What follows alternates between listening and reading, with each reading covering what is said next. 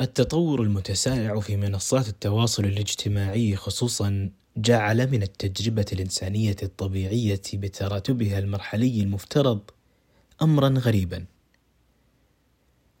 وصنع مقابل ذلك تجربة اجتماعية ممسوخة الهوية. لا تتيح للإنسان في مرحلة النمو الاجتماعي والفكري أن يعيش بشكل متدرج. إنما تفتح له ابوابا ليس من المفترض أن يدخل منها دون بناء فكري راسخ يمكنه من نقد فيضان الأفكار والمعلومات والمعتقدات الجارف الذي يواجهه. ومن ثم تبنيها أو رفضها. فيقع ضحية لذلك. وتكون العواقب وخيمة في أحيان كثيرة على المدى البعيد دون إدراك منه. مرحلة المراهقة مرحلة تتضمن رغبة كبيرة في اعتناق معتقد وتأييد فكرة ما.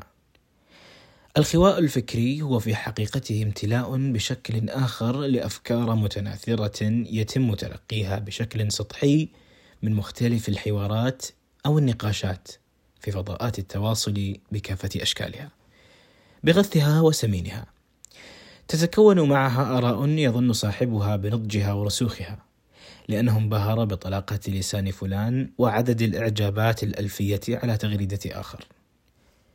بالتالي هي لبنات هشة أسست بناء هش الأركان يتحطم بكامله مع أول فكرة تناقض ما تم استقباله.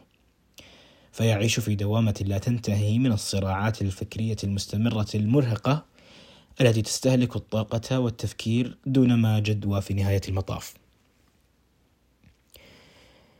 في الضفة الأخرى يرى الكثيرون في انصهار الفروقات بين المتناولين لأفكار جدلية حساسة مثل قضايا الهوية الجندرية والمعتقدات السياسية والأفكار الغريبة التي لم يعتد المجتمع مناقشتها علنا للجميع دون استثناء تطورا غير مسبوق ألغى المنع العرفي عن الكلام لفئة دون أخرى أو لعمر معين دون آخر.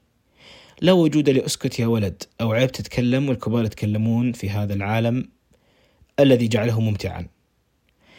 من الممتع أيضا للبعض رؤية نقاش مثلا أطرافه مراهقة في المرحلة الثانوية تدعي أنها ناشطة وطبيب حاصل على البورد الأمريكي مثلا. تصعب الإجابة قطعا عن ما إذا كان هذا النموذج سيئا أم جيدا.